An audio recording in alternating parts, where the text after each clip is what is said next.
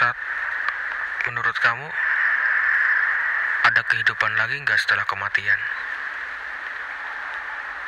Nggak tahu, Van.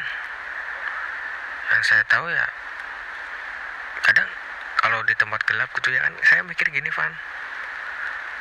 Kita hidup nggak tahu sampai kapan yang jelas waktu singkat terus kita mati ya itu sampai kapan sampai kapan loh ada kehidupan di akhirat nanti di surga neraka? Itu sampai kapan? Kadang ya saya masih nggak masuk akal Van. Iya ya. Kamu takut nggak kalau kita tidur di ruangan satu kali satu lah yang kecil gitu kayak peti gitu. Terus gelap gulita nggak ada siapa-siapa. Takut lah Van aku juga takut saat loh kamu ngapain mikir gitu? Ah di sini padang. Cahaya banyak kok. Nggak apa-apa. Terus? Kamu sayang buat sama adik kamu Sat? ya saya nggak sayang ya adek tetap adek ya. Keluarga kan gitu. aku sayang banget sama adik aku kok Ah, sekarang adik aku lagi kena sakit. Aku takut kehilangan adik aku saat emang sakit apa Van? Diare. Cuma diare flu kan itu. Nggak apa-apa nggak ngaruh lah. Kok segitunya lah atau kira kenapa itu. Hmm, besok ada pasar clothing di Kurus Satria. Aku pengen beliin tas.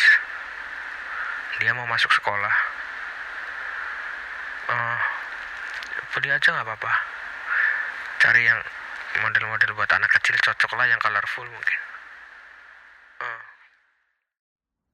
Kiranya segitu percakapan yang sampai sekarang masih terngiang-ngiang sama teman saya yang udah pergi ya. Jadi percakapan itu sekitar 60 jam oh ya, sekitar satu minggu sebelum dia meninggal. Waktu itu dia secara dadakan main ke kos-kosanku cuma mau minta air putih. Katanya galonnya di koskannya udah habis. Kadang aneh sih ya tapi tapi lucunya berawal dari itu kita dapat pembicaraan dalam lah yang lain-lain yang lain-lain. Sangat berharga yang nggak tahu saya dijejali berbagai macam kisah setelah itu entah pahit entah senang. Tapi kenangan itu nggak pernah hilang sedikit pun.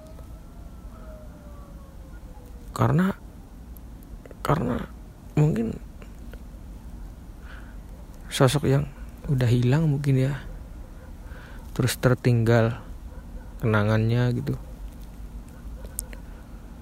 Kadang juga ya teman-teman kayak ngapain diingat? Udah dilupakan. Dalam agama tuh nggak boleh ingat-ingat gitu, gitu. Tapi ya kita kan dalam latar belakang yang berbeda ya gitu.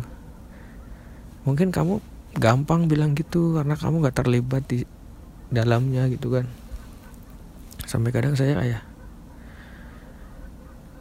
ngerubah sudut pandang 100% enggak 200% enggak 500% enggak. Perihal hidup ini apa sih gitu.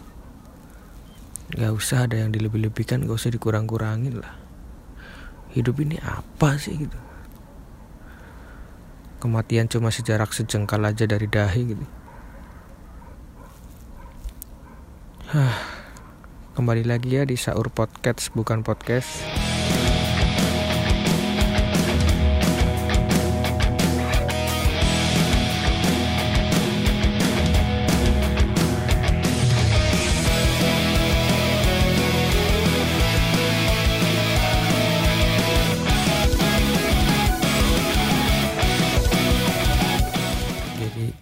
Cerita kelam ya. Diawali waktu pertama kali saya rantau keluar dari rumah menjauh dari keluarga sebuah pelarian. Kala itu saya memutuskan untuk pindah ke rumah kosan.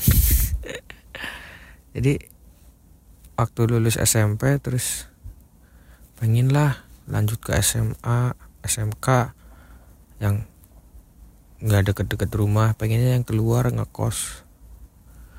Karena waktu itu hubungan yang gak baik lah biasalah anak kecil. Rasa nggak ngerasa kayak aku nggak butuh orang tua.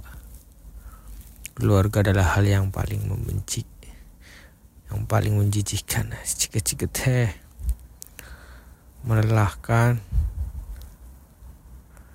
kadang sampai ngebayangin aja orang tua sendiri ya ada nggak tahu malah setan udah mengalir di setiap nadi gitu kayak panas gitu. Saya benci orang tua saya. Tapi kadang kalau kita lawan sama pikiran karena orang tua saya juga saya ada gitu. Sampai nggak mempan kadang ya. Lalu kisahku berawal di kota Purwokerto. Purwokerto adalah kota pertama yang saya singgah sebagai perantauan sebelum Cilacap. Mungkin saya bilang kayak Cilacap Purwokerto sih bisa dibilang nggak ngerantau ya mungkin karena dari rumah cuma nggak sampai satu jam. Ngerantau itu jauh mungkin ya tapi ya anggap saja ngerantau lah karena nggak di rumah ya. Nah, Purwokerto itu menurut saya suatu kota ya cuma gak kota-kota banget. Kayak ibaratnya gini yang namanya kota kan pasti ada mall ya ada supermarket ada taman kota, ada budaya-budaya kultur yang beda gitu sama yang namanya desa. Tapi Purwokerto juga ada kehangatan desa sih walaupun di setiap sudut-sudut kota gitu. Cuma ya rasa-rasa aroma kotanya ya kayak premanisme. Apalah itu aja lah nggak tahu saya bukan orang Purwokerto nggak tahu. Nah, karena atas nama pelarian mungkin ya. Jadi kadang ya orang ngerantau berharap punya keluarga baru. Bukan diadopsi dong. Tapi dapat kayak perkumpulan keluarga yang asik terus bisa ada dampak buat kehidupan saya ke depannya loh. Karena kadang terobsesi ya sama film-film gitu. Orang yang gak punya tujuan gak punya orang tua tapi punya perkumpulan teman-teman circle lingkungan yang ngedampak buat hidupnya di masa depan gitu. Karena masih SMK di salah satu SMK kan. Akhirnya berjalannya waktu berjalannya waktu dapat circle. Dapat lingkungan yang satu frekuensi mungkin ya suka ngeband gitu. Mungkin waktu SMK itu kerasa gagah itu kalau pegang gitar kalau jadi anak band gitu ya. Dulu waktu masih pola pikir gitu kayak jadi anak band itu sesuatu yang paling keren deh terus uh, ngejam pertama kali itu sama Dandi, Eki, almarhum Evan, Gusmu, Caldun. Kita kumpul bareng-bareng tuh ada Baruna juga ya. Kita kumpul terus dari situ kayak dapat sesuatu yang feel lah sama mereka kayak wah ini keluarga baru saya nih gitu. Wah, hati saya kayak wah ber, berdebar-debar kayak wah apa ini yang namanya kehidupan kota ya? Gitu. Terus Evan mulai kenal saya tahu latar belakangnya problematikanya Evan masalah-masalahnya loh. Kok dia kayak nyong banget gitu ya. Kayak makin akrab makin pengen tahu sama dia aku loh. Hingga akhirnya aku mulai terbuka sedikit sama dia ternyata kita cocok hingga dia memasrahkan apa pun sama aku. Pasrah untuk nyari apa itu? Yang buat apa? Kayak orang-orang pencak silat itu. Yang di bawah apa ya namanya itu? Kayak kasur bro. Nah itu sama Bu Keksi waktu itu.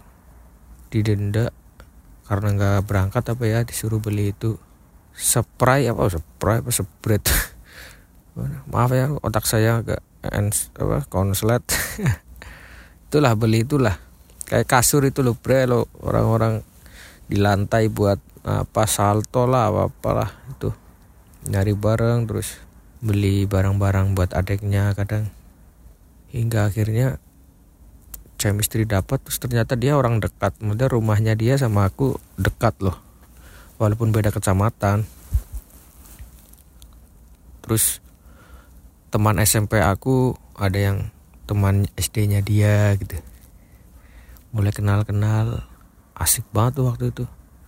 Karena nggak seperti sekarang mungkin ya pola pikirnya udah mikir kayak tanggungan lah mikir kerjaan gitu. Pokoknya semua serba seneng-seneng. Lah hingga akhirnya kita ada di event SHOS apa ya namanya waktu itu di sekolah. Apa itu on stake apa apa? Terus kita ngelihat teman-teman seangkatan anak-anak TKJ anak-anak RPL apa TJ yang lain yang ikut partisipasi ngisi itu ngisi event ngeband. Lihat kakak kelas lihat gue star gitu. Ih ngeband keren ya aku kita. Gak ikut SHOS kayak nyesel banget gitu. Cuma ikut yang wajib akustikan dulu tiap kelas loh. Dari situ kayak bikin band. Kita ngisi di event-event sekolah event-event musik asik kayaknya terus juga ya ya ibu ya wong lanang ya caper lah dalam arti kayak wah ntar keren nih dilihat cewek-cewek gitu kan. Terus Evan cerita ke aku kayak pikiran anak muda waktu itu namanya kita dimulai dari nol ya udah zero zero aja zero gitu. TS-nya school gitu. dari nama sekolah di Inggrisin kan terus iya iya dan ini yang ngebuat aku kadang ngebalik apa yang dulu aku tanya ke Evan Evan jawab ke aku. Sekarang anak-anak di frame yang lain tanya ke aku aku jawabnya kayak Evan dulu. Bang ngapa kok dijenengi di frame saya dulu ke Evan juga sama. Van zero TS zero zero diwaca elek banget. Jawabannya ya sama ya. Mungkin ini terdengar aneh ya karena kita masih songong gitu loh. Masih kecil masih belum besar gitu tapi kalau kita udah gede itu mau namanya di frame mau namanya apalah. Tai ngasu apa? Cetot. Klepon lah apa itu jadi sesuatu yang besar itu. Namanya juga sesuatu yang masih baru ecek-ecek ibaratnya ya kan. Jadi kayak itu juga investasi popularitas mungkin. Ya kita nggak apa-apa dulu dikenal jelek tapi suatu saat kita bangkit kita besar orang akan mulai bangga memakai nama itu kayak wah saya habis nonton Zero TS saya habis nonton Zero di Gor misal oh Zero Zero seakan-akan nama itu diucapkan dengan suatu rasa apa ya bangga gitu ya. Goals banget itu itu yang dulu diimpik-impikan Evan kan. Ya udahlah jalan aja itu tapi waktu itu kayak masih gantung kalian pasti pernah dalam suatu posisi kayak uh saya pengen banget punya usaha ini. Terus kalian ada ambisi. Biasa anak muda ya ambisi. Ketertarikan lihat-lihat tentang apa yang sedang kalian mau inginkan. Wah saya lagi ada keterkaitan.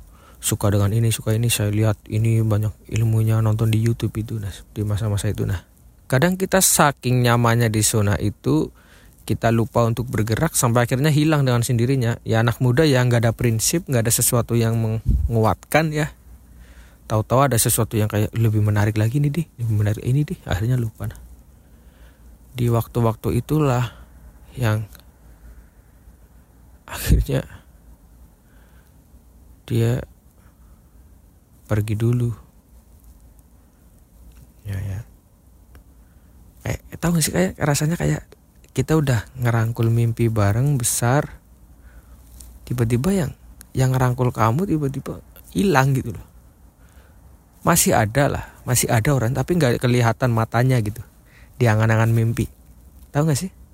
Orang kalau nggak ada matanya kan dilihat kayak lu mau ketawa mau nangis mau ngapa? Tapi saya nggak ngerasa kamu ada gitu. Dari situ kayak sumpah kayak mungkin dia udah nggak ada tapi ambisinya itu nemani aku terus tiap aku keluar ke mana ke mana dengar obrolannya dia dengar ambisinya dia hingga akhirnya saya nekat. Saya bikin band yang dulu Evan wariskan. Saya rekrut rekrut rekrut orang. Tahu nggak dulu aku berani ngeband tuh karena udah diisi posisi sama Evan. Evan pinter banget musik kan waktu itu. Dia bisa ngebass bisa ngedram dikit-dikit bisa main gitar.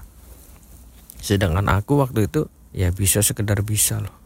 Nah mungkin karena ambisinya ya jadi apa menguatkan gitu kenangan-kenangan gitu. Sampai akhirnya aku nggak peduli nggak ada ilmu di musik. Bahkan dulu waktu record lagu pertama itu kebersamaan saya masih nggak bisa main blok.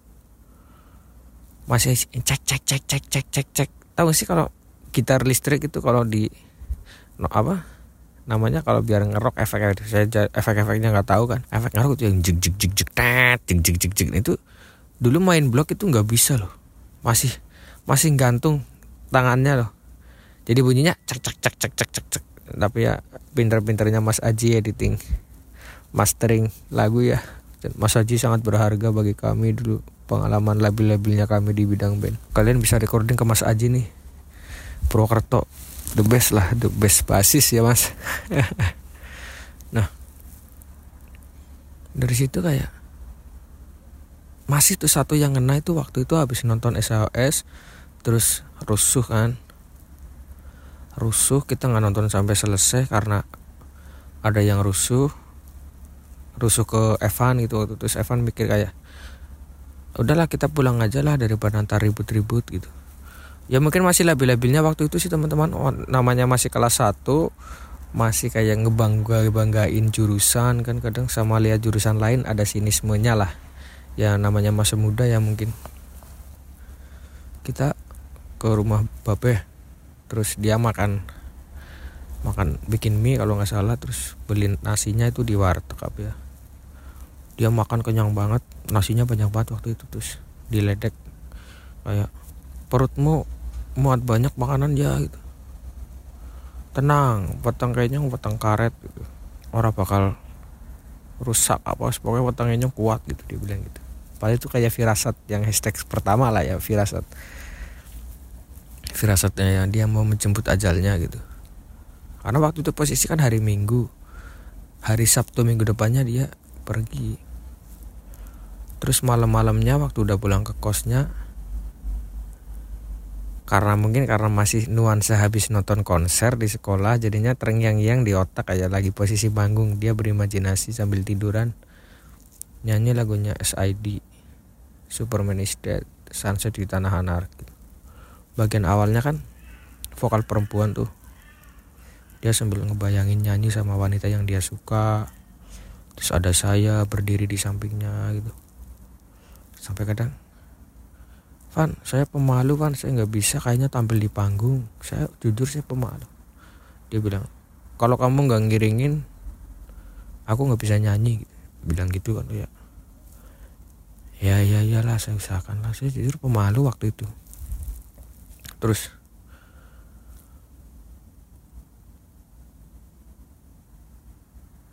hal yang yang saya sedihkan itu kayak Has, bajingan gue Van ya, cangkrik gue.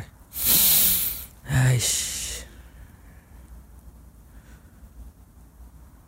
Dia itu kayak kayak kayak dia itu kayak tahu, dia tahu, dia tahu dia mau dijemput ajalnya tapi dia kayak memaksakan diri kayak saya nggak mau pergi saya nggak mau pergi saya masih punya banyak mimpi gitu. Ingat banget sih mas raut raut wajahnya. Udah pucat masih sempat ketawa gitu. sampai akhirnya di hari kejadian nggak tahu sih ya karena posisi waktu itu saya nggak di kosnya kan. Yang katanya dia ditanya Van tangi turu aja langsung ngetok nama motor kan udah di situ tuh dia nggak mau. Nggak. Terus aduh di situ aduh sesekat apa gara ini orang langsung ke susu balik. Nggak apa-apa nanti saya di rumah mau dimandiin gitu. Sambil ketawa katanya. Saya lupa dari omongan siapa waktu itu. Ternyata itu macam bener ya ya, ya dia pulang nyatanya dimandiin kan dalam kondisi tidak bernyawa.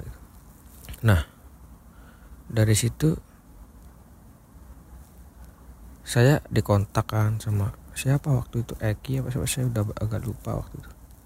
Saat saya ada rasa yang aneh sama Evan kayak Evan hawanya aneh loh gitu. kok sejalur kan baliknya? Endang ditututi. Gitu.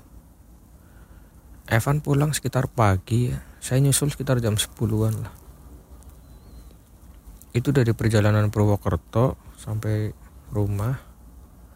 Saya pakai kecepatan 20 km per jam saya telusuri perhatikan baik-baik di jalanan ada bekas kecelakaan apa enggak gitu. Makanya enggak ada apa-apa nih dilihat kayak enggak ada bekas kecelakaan gitu. Saya pulang ke rumah nyampe rumah langsung duduk di kursi ruang tamu langsung ketiduran. Ketiduran langsung pulas. Terus waktu itu jam 4 HP berisik banget. SMS berondong tau. Yang dari sekian SMS yang banyak yang saya baca cuma punya punya mirisnya waktu itu dan anehnya saya nggak curiga loh ada SMS banyak kan berarti ada kabar yang heboh gitu ya. Saya baca SMS-nya mirisnya waktu itu. Rhyme in Peace Evando Marsipayun tapi saya respon kayak ketawa gitu. Banyak orang Korea yang bisa Maria gitu. Ais, apa sih ke gitu. sambil ketawa saya waktu itu posisi saya ketawa. Anak baik. Dan saya tidur lagi di atas kursi itu tidur. Tahu-tahu habis maghrib ibu saya marah-marah. Ya, waktu itu emang kondisinya nggak nggak nggak ada harmonis sama orang tua ya. Saya dimarahin sama ibu saya terus dibentak-bentak hanya perkara HP saya berisik ada telepon. Saya angkat teleponnya Mas Haryo. Waktu itu dia bilang kayak saat saat gitu. kenapa Mas Yo aku nggak tahan sumpah. Aku nggak kuat lihat jenazahnya gitu. Jenazahnya siapa gitu? Evan saat Evan tadi pagi kecelakaan dia gitu. saya langsung kayak kayak apa ya? Tahu gak sih? Denging gitu loh. Orang shock ya. Kalian pernah gak sih ngerasain posisi shock gitu? Yang otaknya tiba-tiba entit gitu loh. nging gitu loh kayak di sensor gitu ya. Kayak innalillahi.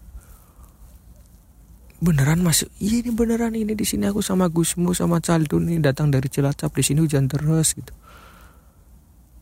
Langsung oke oke mas saya ke sana saya ke sana gitu. Posisi hujan terus banget. Terus ayah saya bilang kayak besok aja pagi gitu. Uh, hujan deras saya takut kamu kenapa-napa itu nggak pikirannya nggak itu gitu ini saya memutuskan pagi terus saya kontak teman saya Ahong. Namanya namanya siapa ya? Ahong lah nama panggilannya. Saya lupa nama aslinya malah jujur. Rocky Ivan apa ya? Ahong gitu. Ahong saya pengen layat ke tempat Evan besok. Bisa temani sama Ahong itu teman SD nya Evan. Sedangkan Ahong teman SMP ku kan. Waktu itu kayak karena kepikiran nggak nyangka sampai tidur jam 2 apa jam 3 waktu itu kan. Nggak bisa tidur teman pagi-pagi jam 6 dibangunin sama bapak kan. Bangun katanya mau layat ke tempat teman terus saya biasa hanya dibangunin saya susah kan. Ah apa apa apa anak-anak kayak anak kecil ya dibangunin kayak gitu lah usia-usia baru lulus SMP cuy. Oh plak. Tahu saya ditampar sama bapak saya terus dia marah-marah gini. Dia itu teman kamu. Sampai kamu tahu dia meninggal tapi kamu gak ngelihat sedetik pun jenazahnya. Itu akan jadi suatu pertanyaan yang menghantui kamu sampai nanti. Terus saya mikir, iya ya gitu. Kasih dia salam perpisahan. Saya siap buru-buru langsung ngeluarin motor gitu. Terus saya mau datang langsung ke rumahnya malu kan terus nungguin Ahong dulu sampai saya bangunin waktu itu kan. Terus datang ke sana bareng berdua sama Ahong posisi udah nggak ada pelayat cuma saya sama Ahong toko itu tuh pagi. Wah Evan udah kanteng banget itu. Masih saya pakai kemeja putih celana hitam jempol kaki udah diikat. Wajah udah pucat lemas gitu perut yang dia dulu bilang kuat ternyata udah nggak berdaya. Yang ya, saya nggak bisa nan nangis waktu itu saya nggak. Jadi saya tipikal orang yang susah nangis ya cuma waktu itu kayak ya itu ambisi ambisinya ngebayangin saya terus dia kayak ngasih hidup. Terus waktu itu guru SMP-nya juga jenguk. Situ histeris kan kayak kehilangan Evan itu. Ibunya nangis nangis sambil bilang gini katanya kamu mau ngebeliin adek tas gitu. Adiknya waktu itu posisi dia nggak tahu loh. Dia nggak tahu kalau kakaknya meninggal. Dia tahunya dia lagi tidur terus adiknya keluar. Bangun kak bangun. Mana tas yang kamu janjikan buat aku dibeli? gitu. Pakai logat-logat Batak kan. Dari situ saya kayak ya ampun dia dulu bilangnya ke aku mau beliin tas adiknya gitu ada sesimpel ini ya percakapannya tapi tapi yang namanya kehilangan gitu ya.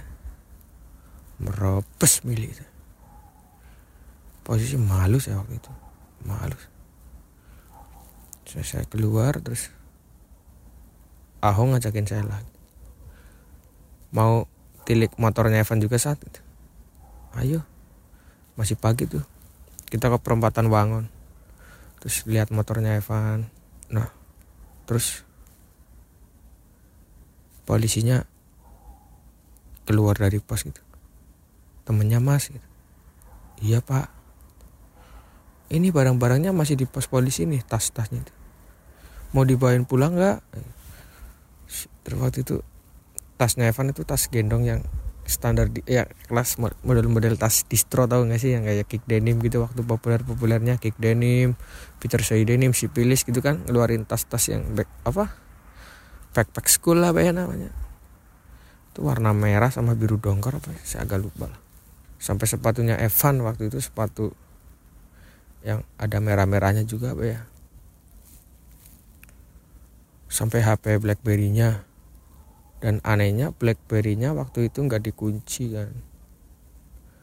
Nggak di lock loh. Tadinya kan biasanya di lock terus dirahasiain terus, terus waktu itu waktu dipegang nggak di lock. Terus kayak kayak ya sedih lagi. Ya lo saya cuma lihat barang-barangnya gitu ya. Ya itu mencekam banget saya kadang ingat itu kayak ah cinta kami itu. Sekarang masih nggak percaya gitu hingga akhirnya akhirnya hingga akhirnya saya melahirkan Siro TS bertemu teman-teman saya ngerekor teman-teman sekelas semua. Mungkin karena ambisi ya karena yang sudah punya ibaratnya udah pergi terus saya pengen bener-bener ngewujudin omongan dia kita punya lagu kita bisa manggung ke sana kemari. Pokoknya apa yang menghantuiku harus sudah dilaksanakan gitu. Makanya makanya jadinya kayak orang-orang biasa yang lihat tuh kayak ini anak nggak tahu diri banget sih udah tahu ngebandnya nggak bagus suaranya fals nggak keren gitu. Kayak maksa banget sih untuk ngeband. Kadang saya tahu posisi itu saya tahu gitu. Tapi apa perlu saya ngejelasin kayak ini ambisi teman saya udah mati. Harus keras gitu kan saya harus bilang gitu. Saya cuma kayak saya tanggung sendiri itu yang penting demi Evan yang penting demi Evan. Saya nggak peduli kakak kelas saya ngebully saya waktu itu. Seorang orang lain gitu. Ya saya nggak peduli lah tentang itu. Yang penting impian Evan tercapai terus saya juga tenang lah. Nah panggung pertama waktu itu PPT kan Pemalang Party Together waktu itu. Saya ngebawain lagu Superman is Dead Sunset di Tanah Anarki di lagu pertama dan karena kita dikasih slot di akhir-akhir menjelang ke startnya loh. Waktu itu kan bintang tamunya kan Stand Here Alone. Itu konser sih tahun berapa? 2015 sampai 2014 2015 kalau nggak salah. Stand Here Alone lagi populer-populernya tuh sama lagu wanita masih banyak lagu Move On. Kita lawan mereka tuh. Nah kita dikasih slot paling akhir. Karena waktu technical meeting saya datang tapi panitia nggak bisa ketemu saya. Akhirnya dia kontak lagi kayak udah kamu datang-datang dari Purwokerto kita kasih slot akhir aja biar penontonnya udah rame gitu. Dulu suara Evan yang dia bilang ya slot pertama lagu Sunset di Tanah Anarki kan suara perempuan tuh. Nah waktu kita buka acara itu kita ngisi lagu Sunset di Tanah Anarki itu yang nyanyi penonton semua sampai suara kita tertutup sama suara penonton anda itu malaikat itu sampai semua penonton Padahal saya cuma main di kunci G ya. Tapi saya salah kayak saya merubah sembilan teman-teman di panggung itu. Saya nangis tapi sambil gitaran kayak kayak orang orang orang tolol gitu ya nangis nangis tapi sambil gitaran sambil action ke semua orang penonton. Saya nangis terharu. Anjing gitu. Satu mimpi tercapai gitu kan ibaratnya. Manggung tercapai. Terus masuk ke Semala Zone waktu itu ya SMA 5 Prokerto karena ada teman SMP yang nawarin saat kamu punya pin kan? Udah ikut isi, ngisi di eventku aja gitu. Ngisi gitu. Nah. Terus hingga kita punya lagu kebersamaan dulu kan di sekolah saya itu tiap jam istirahat disetelin lagu-lagu karya band-band lokal kan. Kita bikin lagu biar bisa disetel di sekolah gitu. Apa yang dulu Evan minta. Itu dulu lucu banget cerita tentang record kebersamaan ya yang tadi aku cerita nggak bisa main blok-blokan terus saya minta kontaknya Mas Aji tuh ke Kevin. Kevin Anggoro. Dia kan punya band sama kakak kelas Dream of a Child apa ya Vin terus saya tanya ini dikasih kontaknya Mas Aji. Waktu itu masih BBM Aji Rahman Suparkah terus kontak 085 berapa berapa ignore record statusnya apa waktu itu ya mas? Saya ngulik apa? Saya ngulik kontak saya nguli nguli itu bahasa Indonesia apa ya? Saya pas kontak ya itu ya. Saya pas kontak tuh sok-sokan banget. Mas saya mau sewa studio buat recording gitu tapi Mas Aji juga ngeresponnya keren sih waktu itu. Ya bisa. Gini gini tahu-tahu ternyata bukan studio tapi home recording. Tapi asik banget itu tempatnya. Ada pemandangan apa stasiun Purwokerto lah ya. Mas ya menghadap Kulon. Kulon masih di sana apa? Barat ya barat. Uh, anjir ignore record. Waktu itu masih lesehan. Masih lesehan itu. Anjir ya record tuh lagu pertama tuh. Ya itu tadi aku bilang karena dari ambisi teman yang udah meninggal jadi nggak peduli tentang apa. Yang penting ada lirik ada kunci. Ada nada yang nggak tahu nadanya masuk apa enggak sama kuncinya. Yang penting kayak dimainkan dari A minor F G itu ya asik aja kayak lagu-lagu yang lain gitu ya. Waktu itu masih ingat aku kayak temponya mau dibikin berapa? gitu. Tempo itu apa mas? Ketukan ketukan gitu. Aduh nggak tahu mas. Terus, untung mas Haji kayak mungkin memahami ya mas Haji ya. Jadi coba kamu mainin gitarnya. Dimainin kan reng reng oh ya sekian gitu ditulisin di aplikasinya. Ya ketawa-ketawa sendiri sama temen-temen kayak malu tapi gak kerasa malu sih. Kayak goblok temen yang ya gitu. Akhirnya main dimainin ternyata kuncinya nggak masuk sama kemampuan nyanyi. Bener, bener dibantu aransemen sama Mas Aji. Terus rekamannya juga mundur. Mundur mundur mundur ke, ke apa? Karena kita juga salah kan gak mateng sih ya. Tapi Mas Haji masih mau ngeladenin dan sumpah makasih banget tuh Mas Haji biasanya recording yang lain itu malas loh kalau kedapatan klien yang nggak mateng ya udah biarin lah. Sana lu, lu yang bikin pusing ngapain gua melu pusing ya ginian ya. Tapi Mas Haji tetap ngopeni waktu itu loh. Jangan salut saya Mas. Nah bikin kebersamaan terus. Ya, biasa lah ya masa muda lah. Single kedua muncul. Nggak usah sebut merek lah ya. Ya kedua terus single ketiga lah akhirnya. Nah di waktu-waktu udah punya lagu terus manggung sana mari itu mulai dibully saya. Wow, masih ingat saya. Saya merasa posisi dibully waktu itu.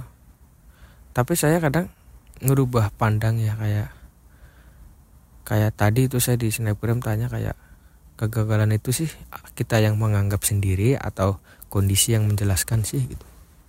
Waktu itu saya ngedapetin bully itu mikirnya kayak anggap aja bukan bulian tapi kakak kelas pengen akrab sama saya gitu ya, ya saya lagi lewat terus diketawain terus di zero ts zero ts aku fans kamu apa gitu.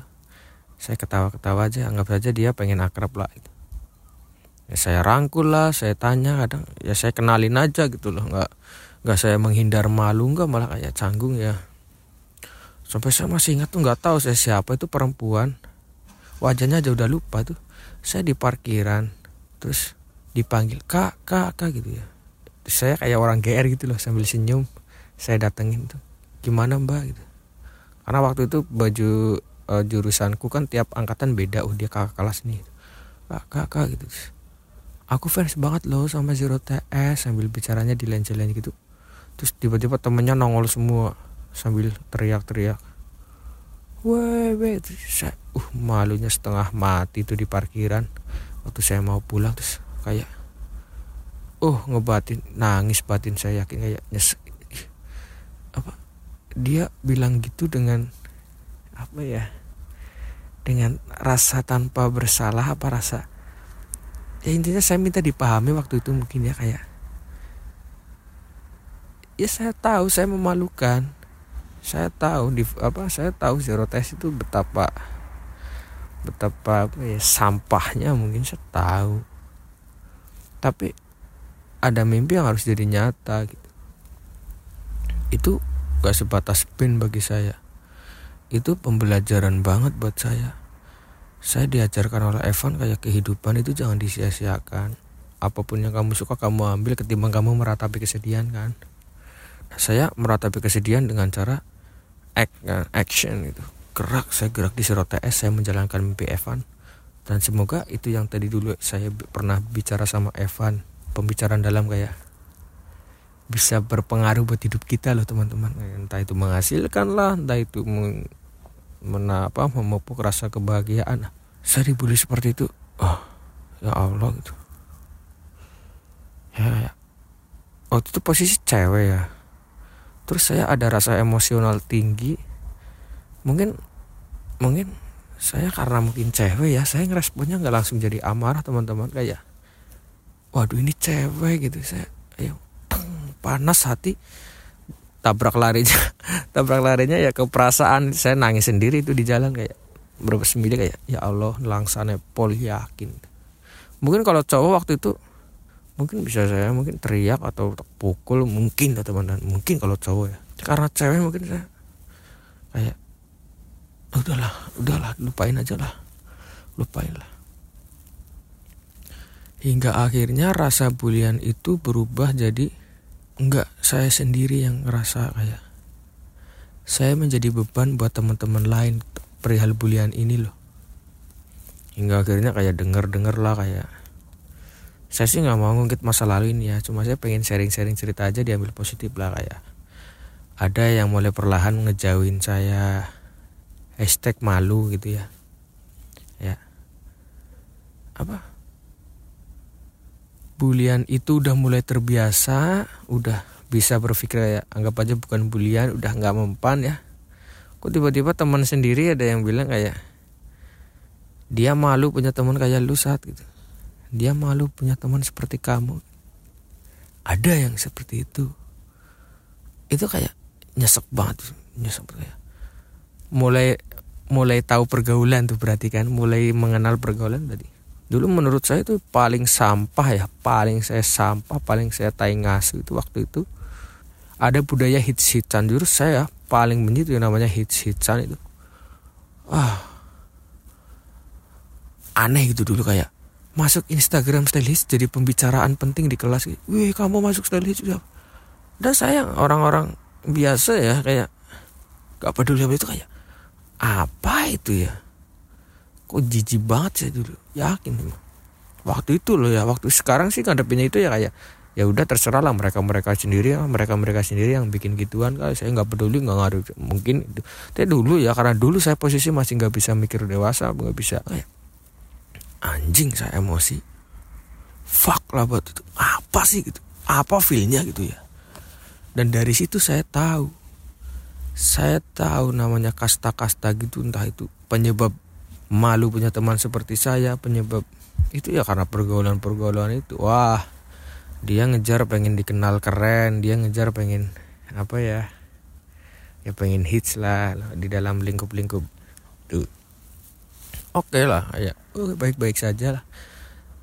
Ya itu ada hal yang ngebukakan pikiranku ya. Oh mungkin ini penyebabnya ya karena setelah beranjak lama di sekolah semakin tahu tentang SMK permainannya gimana di situ ternyata ada kasta-kasta mana yang hits mana yang keren gitu.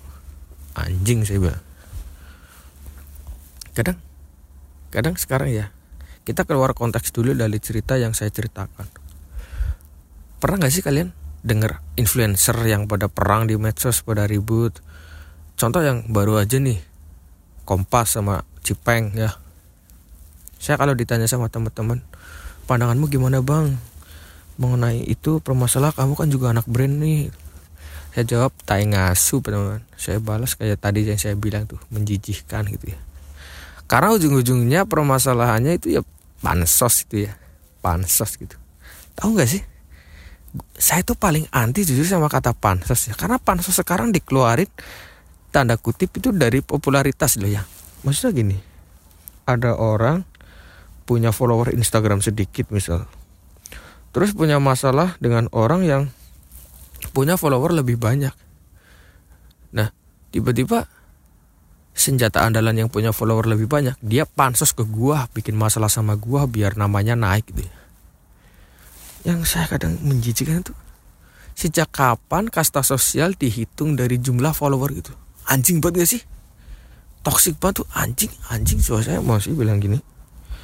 Goblok gitu, asu gitu loh kadang kayak siapa sih yang bikin kata pansos gitu ya? Panjat sosial ya panjat sosial panjat sosial. Ngejar. Apa? Ya sih nggak tahu. Ya, mungkin mungkin mereka yang bilang pansos mungkin nggak nggak kayak saya mungkin pandangannya. Bukan kasta sosial tuh yang dimaksud tapi tentang media sosialnya sendiri atau apa. Pokoknya saya benci tuh kata pansos. Yakin jujur saya benci. Makanya jujur saya kalau kayak di frame kadang gini dapat DM kayak bang collab dong lo sama berak apa tank insomnia tuh di frame kayaknya keren. Different punya kelebihan di ini Tank di ini kalau collab kadang saya bilang harus kayak ngebrand itu bukan perkara tentang kita sama-sama punya keunggulan karya ya. Sekarang itu eranya kayak gitu popularitas. Suatu saat different punya masalah sama Tank Insomnia atau punya masalah sama siapa misal yang misal kita berhasil collab ya. Berarti ujung-ujungnya kayak Cipeng sama Kompas itu. Lu pansos sama gue dulu lu ikut event apa gue yang naikin brand itu. Tai ngasu teman-teman makanya saya bilang di frame tuh nggak butuh lah nggak butuh sesuatu yang bisa naikin sosial apa naikin sosial.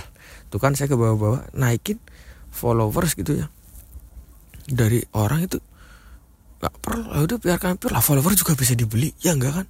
Sekarang pansos sama orang orang popularitas rendah sama popularitas tinggi bertengkar terus dibilang pansos panjat sosial padahal followers itu pengikut bisa dibeli ya kan? Kecuali suatu kerja nyata yang benar-benar dicarinya susah ya. Padahal dibeli juga bisa gitu loh. Apa yang dibanggakan? Anjing saya bilang gitu. Fuck gitu.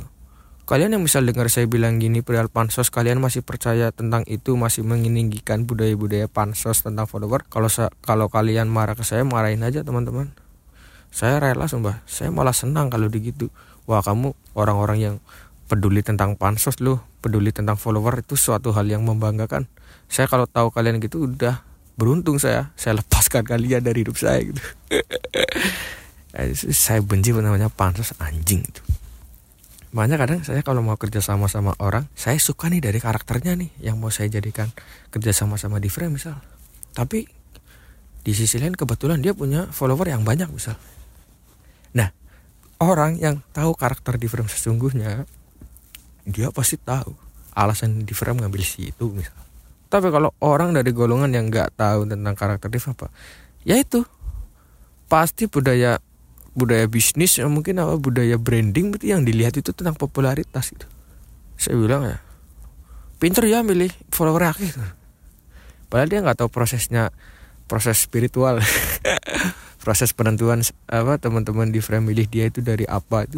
Dia nggak tahu kayak iyain lah dia bukan segmentasi kita buat lebih tahu itu nggak apa-apa dia tahunya dari situ. Budaya toksik gitu. Saya bilang kalau kalian masih membanggakan follower Instagram kalian masih membanggakan popularitas atau ke hits hitsan gitu ya. Aduh. Wah nggak bisa pakai kata-kata saya bingung tuh. Yang terpikir dari kepala saya saya pengen nginjak kepalanya jujur anjing gitu. Fuck gitu ya. Pernah gak sih? Ya kan kadang saya terngiang gitu loh. Yang kemarin contoh masalah yang Anji tuh nggak tahu yang udah selesai tuh sama Dadali apa ya perihal cover album waktu itu. Anji sama Dadali terus ada orang-orang yang di Instagram saya baca di komen kayak Dadali pansus tuh sama Anji mentang-mentang Anji lebih terkenal dari Dadali itu anjing tuh yang bilang tuh. Padahal kan itu orang mempermasalahkan situ kan yang tahu orang itu sendiri ya personalnya. Kayak ya dia emang tersinggung diungkit-ungkit albumnya si Anji sama si Anji mungkin. Tapi sama yang lain lihatnya dari popularitasnya itu terus bilang-bilang pansos tuh waduh toxic itu anjing gitu fuck gitu ya. Makanya makanya saya dari zero test itu zero test mungkin suatu kegagalan bagi saya ya. Suatu hal buruk kenangan buruk bagi saya. Tapi banyak pola pikir sudut pandang baru yang saya dapatkan dari hal itu. Ya saya nggak ngungkit-ngungkit lah siapa teman saya yang seperti itu. Sampai saya saya saya nggak nggak nunjukin diri saya benci ke dia atau saya sekedar tahu teman-teman. Dia sekarang gimana gimana udah saya nggak peduli. Saya peduli sama orang-orang yang masih peduli sama saya waktu itu ketika saya jatuh itu. Contoh kayak kayak ya, saya sebut yang lah jangan kalau saya sebut namanya juga ntar yang nggak kesebut pasti yang itu kan gitu ya Gak sih saya nggak ngomong gitu gitu masa lalu lah lama deh kayak yang jelas orang-orang itu sampai sekarang masih saya kontak. Masih saya kontak masih saya ceritain tentang yang saya lakuin sekarang masih saya hubungi perihal di frame juga dia harus tahu. Karena rasa loyalitas saya muncul sendiri kayak kamu di saat saya dulu dimaki-maki di saat saya dulu dibully perihal di perihal es tapi kamu tetap tetap pede gitu. Tetap pede jalan sama saya gitu. Dari parkiran sampai ke kelas dia masih pede jalan sama saya. Masih pede gitu. Saya sampai terus kadang ada yang katanya dikucilkan karena gabung saya gitu. Dulu dulu saya nangis batin banget sumpah kayak ya lo nyong monster apa ya aku tuh dikucil nah segitunya kan memalukannya? gitu. Padahal saya cuma ngejalanin ambisi teman saya gitu biasalah anak muda kalau lagi dapat masalah kalau kesedihan pengennya dimengerti kan. Gak ada yang mengerti saya gitu. Posisi. Padahal ya banyak yang ngertiin saya cuma karena posisi sedih mungkin rasanya kita sendiri gitu kan. Banyak kalian kalau lagi sedih tuh pasti kalian ngerasa kalian sendirian kan. Janganlah saya pikir. Masih banyak teman kalian yang peduli sama kalian gitu. makanya saya kayak oh saya udah tahu busuknya budaya sekolah saya waktu itu tentang hits hits saya lepas. Saya independen terus saya memutuskan kayak saya nggak mau ngeberat ngeberatin teman kos ya. Ngeberatin beratin teman kos kayak wah nyong bocahan kos kene nyong wega ngobrol kos kana nyong bocahan kos kene kos kana jelai musuhi. Saya nggak mau. Saya pengennya sama siapa saja saya gabungin gak peduli peduli tentang pembagian pembagian hits hits lah anak ini yang hits hits anak ini yang cupu cupu gitu. Fuck you man. Mungkin ada adik kelas saya nih anak SMK apa jangan sebut merek lah ya. Ada adik saya adik kelas saya misalnya nih masih sekolah di SMK itu atau mungkin bekerja di itu masih ada budaya-budaya gitu. Cari tahu. Wah tapi yang nggak salah sih wajar ya anak muda ya waktu itu ya. Wajar sih anak muda. Muda gitu. Jadinya saya kayak ya Allah saya ingat-ingat itu kayak kenangan buruk banget bagi saya tapi kadang pengen cerita gini ya sama orang-orang lain gitu. Makanya saya ada podcast bukan podcast ini kayak biar pelong lah. Hingga akhirnya kayak oh di bocah gitu lihat mana yang dulu malu sama saya yang dulu main kasta-kasta hits populer anak populer gitu yang ngeberatin pergaulan-pergaulan keren saya lihat gimana mereka sekarang. Coba gue mau lihat nih hidup lu gimana tuh nah lu ya seberapa wownya coba saya pengen lihat kamu gitu. Kadang gitu ada pikiran gitu tapi kayak saya juga saking sibuknya mikir hidup saya sendiri nggak nggak sempat mikir itu ya yang lain. Kayak kayak ya kalian pernah pernah ngerasain ketika kalian jatuh tapi ada seseorang yang ngerangkul kalian terus gitu pasti sampai saat kapan pun kalian mesti tetap ingat itu pasti itu. Pasti ketika kalian sedih ketika kalian jatuh pasti kalian pengennya bisa kontakkan sama mereka bisa ketemu gitu. Makanya makanya saya bersyukur banget waktu itu. Padahal di posisi sulit ya tapi saya jadi kayak bangga gitu. Wah wah pertahankan. Hingga akhirnya saya kayak ibaratnya kayak dapat wangsit Evan bilang kau kayak mimpi kamu udah kecapai semua saat bikin lagu manggung gitu kan. Terus kayak kamu boleh berhenti sekarang. Aku udah ngeliat kamu dari sini gitu. Saya pernah dapat kepikiran gitu kayak otomatis hati saya berkata gitu kayak. Kayak udah nggak tertekan lah. Dalam arti ngejar mimpi di itu. Makanya kalau mungkin saya bilang saya ngebubarin Zerots kan kesannya berarti saya yang punya gitu kan. Makanya saya tetap ke teman-teman Zerots yang lain kayak saya keluar dari gitu. makanya nggak pernah ada kata kayak Zerots bubar itu nggak. Pokoknya kayak ya tahu-tahu hilang lah lenyap gitu loh. Nggak ada kayak klarifikasi apa tahu-tahu saya keluar dari Zerots terus kita pisah masing-masing sibuk sama project sendiri gitu. Tahu-tahu ya lenyap sendiri gitu. Jadi saya lupa lah waktu itu saya keluar Zero TS itu kapan. Yang jelas saya ngerasa kayak mulai ada cerah-cerah gitu. Masa cerah itu kayak setelah habis setelah selesai PKL lah waktu itu. Saya ngerasa bahagia lah kayak kebetulan waktu kelas 2 kedapatan teman kelas yang ngeklop banget. Pelajaran guru guru nggak datang 15 menit. Saya pulang lah saya kan ketua kelas tuh. Saya pulang kompak semuanya pulang gitu. Asik. Saya saya bersyukur banget. Bersyukur banget saya dengan mereka mereka saya doakan mereka selalu sukses gitu. Ya kamu di usia SMK di saat yang lainnya menggila tentang popularitas menggila tentang hits kalian gak peduli. Kalian budek kalian tuli dengan hal-hal itu kalian nggak pengen dengan hal yang keren-keren gitu. Tapi kalian ngutamain kebahagiaan kita kumpul senang clear komplit kalian jadi orang besar nanti. Kalian nggak bakal jadi sampah. Sekalipun kalian sampah kalian sampah yang bermanfaat. Popok apa sih? Garing temen ur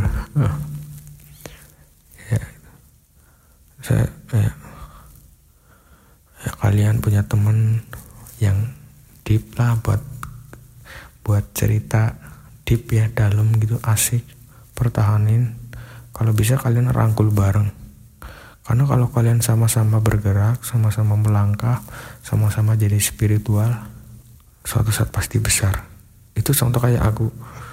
Aku di di frame percaya di frame besar juga karena orang-orang sekeliling di frame yang semua seperti itu. Kita punya latar belakang yang masing-masing yang berbeda. Tapi kita jadi satu karena pola pikir pola pikir yang dalam itu. Hingga akhirnya saya melupakan semua surat tes tenggelam. Evan yang sekarang masih terngiang-ngiang. Saya ngerasa saya udah cukup Van. Saya udah cukup ngejalanin mimpi kamu. Saya cuma bilang kayak kamu udah jangan khawatir Van. Di dunia ini udah aku sampaikan. Apa yang dulu kamu pengen udah aku lakukan. Gitu. Terus untuk siapa pun ya ya peran-peran antagonis protagonis di cerita ini sih nggak ada lah. Semua sama yang berperan baik mereka yang menyemangatiku untuk bisa lebih baik. Yang berperan jahat di posisi itu waktu itu ya kalian juga berubah untuk lebih dewasa. Kalau mungkin dulu saya cuma dapat senangnya mungkin sampai sekarang saya nggak tahu rasanya di posisi yang membuat saya bisa berpikir lebih luas ya lebih bisa menerima keadaan gitu. Semua sama. Jadi namanya hidup konsep hidup kan ada baik dan buruk dan semuanya buat dampak kita Tuhan ciptakan jadi baik. Kalau kita menikmatinya dengan kebaikan kalau kita memprosesnya jadi baik gitu. Bahkan kadang hal baik pun kalau kita prosesnya jadi buruk pun bisa kan. Jadi semua tergantung sama diri kita sendiri. Sekian cerita kecil saya, suara saya yang kecil-kecil gini ya. Terbawa suasana banget cuy, anjir. Ya. Sekian lah, semoga bisa menemani teman-teman di sini, di sana, di situ, di mana-mana. Eh, kenaon, eh. Jangan pernah bersedih dan jangan pernah merasa sendirian ketika kalian sedih. karena di situ ada banyak orang di belakang kalian yang pasti siap ngebantu kalian dan penutupannya suara nama kudu tutup bubar bubar bubar bubar bubar bubar